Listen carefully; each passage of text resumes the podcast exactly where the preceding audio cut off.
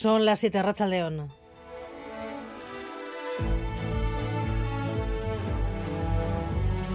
Gambara con Arancha García.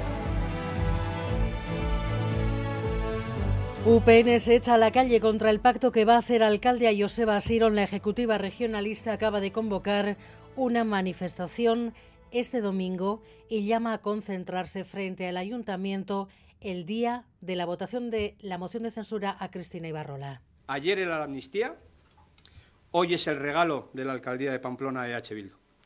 Si no les paramos los pies, no sabemos cuál será el próximo paso Sánchez y Chivite han demostrado que no tienen ni límites ni escrúpulos.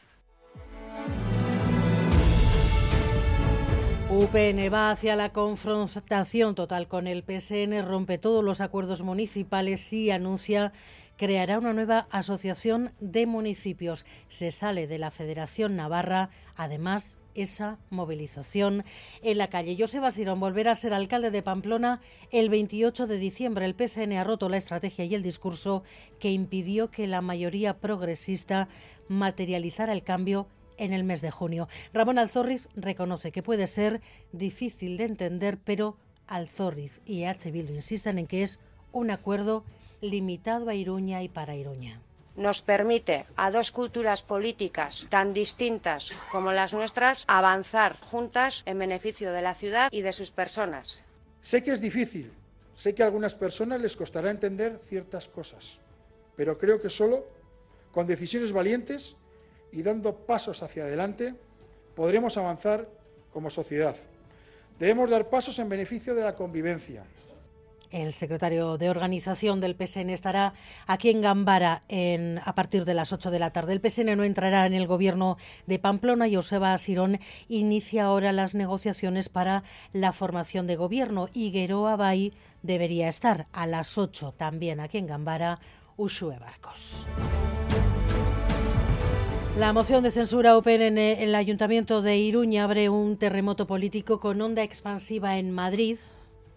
Y por eso, si las posibilidades de entendimiento entre el Gobierno y el Partido Popular no eran muchas, desde hoy son muchas menos. Sus socios no hicieron descuento. Yo tampoco lo haré. Y con onda expansiva en Euskadi, el Partido Popular quiere buscar contradicciones en el PNV. Pero tomen nota, el PNV, no vaya a ser que lo próximo sea que Bildu sea Lendakari también en el País Vasco. Que Geroa Bay, o sea, el PNV está en el acuerdo, o sea que fíjese qué temor tengo y de alguna manera obliga también al socialismo vasco a conjugar que su partido reconozca a EH Bildu como interlocutor político más con el discurso repetido de Necuandueza de que nunca hará Lendakari a un candidato soberanista. Lo único que tengo que decir que es una cuestión que corresponde a los compañeros y compañeras del Partido Socialista de, de, Navarra que han tomado esa decisión, que repito y reitero, se circunscribe a una cuestión local, a una cuestión relativa exclusivamente al Ayuntamiento de Pamplona.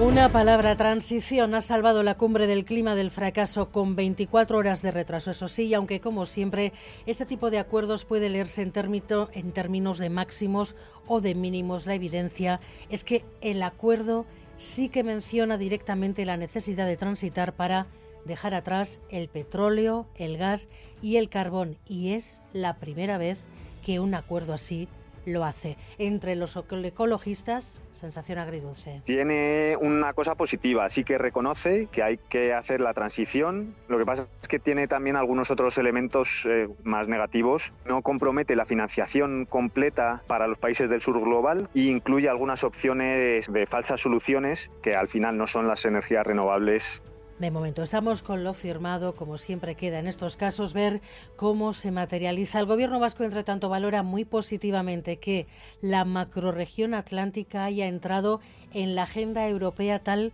como les adelantábamos aquí ayer en Radio Euskadi. Mariana Elorza es secretaria de Acción Exterior. Se marca un hito y es que el proyecto de macroregión atlántica ha entrado ya oficialmente en la agenda del Consejo de la Unión Así las cosas, confiamos en que en unas semanas el Consejo Europeo pueda dar luz verde a ese proyecto y que en un par de años esté plenamente operativo. Y el DOCA está cerrado desde hoy, cierre temporal, aunque la sala Donostiarra no dice más, no da ninguna señal de cuándo podría reabrirse.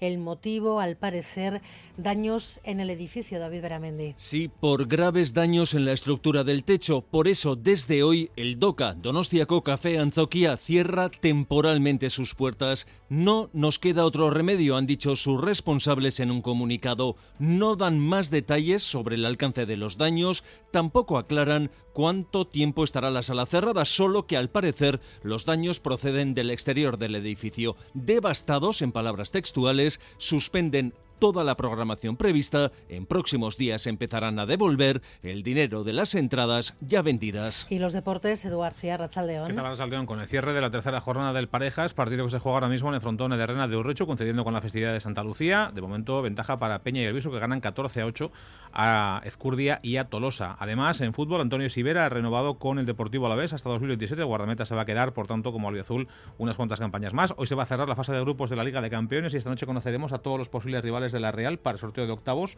que se va a celebrar el próximo lunes en Suiza, en Nyon. Y ojo al terremoto dentro del balonmano, porque eh, este fin de semana tenía que disputarse la Copa Asobal o Copa de España de balonmano en Irún. Ya había problemas entre la Federación Española y la Asociación de Clubes por la organización del torneo y la denominación del campeonato. Bueno, pues eh, los clubes han decidido plantarse y a esta hora no van a jugar en esa, esa competición. Han dicho que hay un desacuerdo en cuanto a, los derechos televisivos de la final. No van a jugar el, torneo, insisto, con Irún como anfitrión y con Vidasoa Irún como eh, equipo organizador y equipo participante en el torneo. Así que a esta hora de la tarde, esa Copa Sobal o Copa de España no se jugaría por ese plante de los clubes de la Sobal ante la Federación. Oh, bella, bella, bella, bellissima! Questa mattina mi sono alzato. Oh, bella ciao, bella ciao, bella ciao, ciao, ciao. Questa mattina mi sono La contra hoy nos lleva a Italia, Xavier Madariaga. Italia ya iba retrasada en derechos LGTBI, pero Meloni los quiere echar todavía más atrás. Hay uniones homosexuales desde 2016, pero la ley no contempla bebés con dos padres o dos madres. Durante años dependía del buen hacer del alcalde de turno, que solo si quería te inscribía a la criatura de familia homoparental en el registro. se podía registrar los actos de nacimiento de niños con eh, dos mamás o dos papás eh, en algunas ciudades de Italia. Así lo hicieron Chiara y Cristín. Se mudaron por un tiempo para tener a su primer hijo a una localidad donde sabían que su alcaldesa las aceptaría. Ahora Meloni quiere echar atrás aquel registro y, por supuesto, no les quiere reconocer al hijo que la pareja espera. La opción que le dan a Chiara es que adopte al hijo del que ya ha sido madre tres años y al que va a nacer. No quiero adoptar mi hijo, es mi hijo, no es un niño que tengo que adoptar, es mi hijo. De ahí que Chiara y Cristín hayan optado por Barcelona para dar a luz y con su hijo inscrito en el registro civil español a Italia no le queda otra que tragar. Mientras tanto, esta pareja no deja de denunciar la persecución a la que está siendo sometida.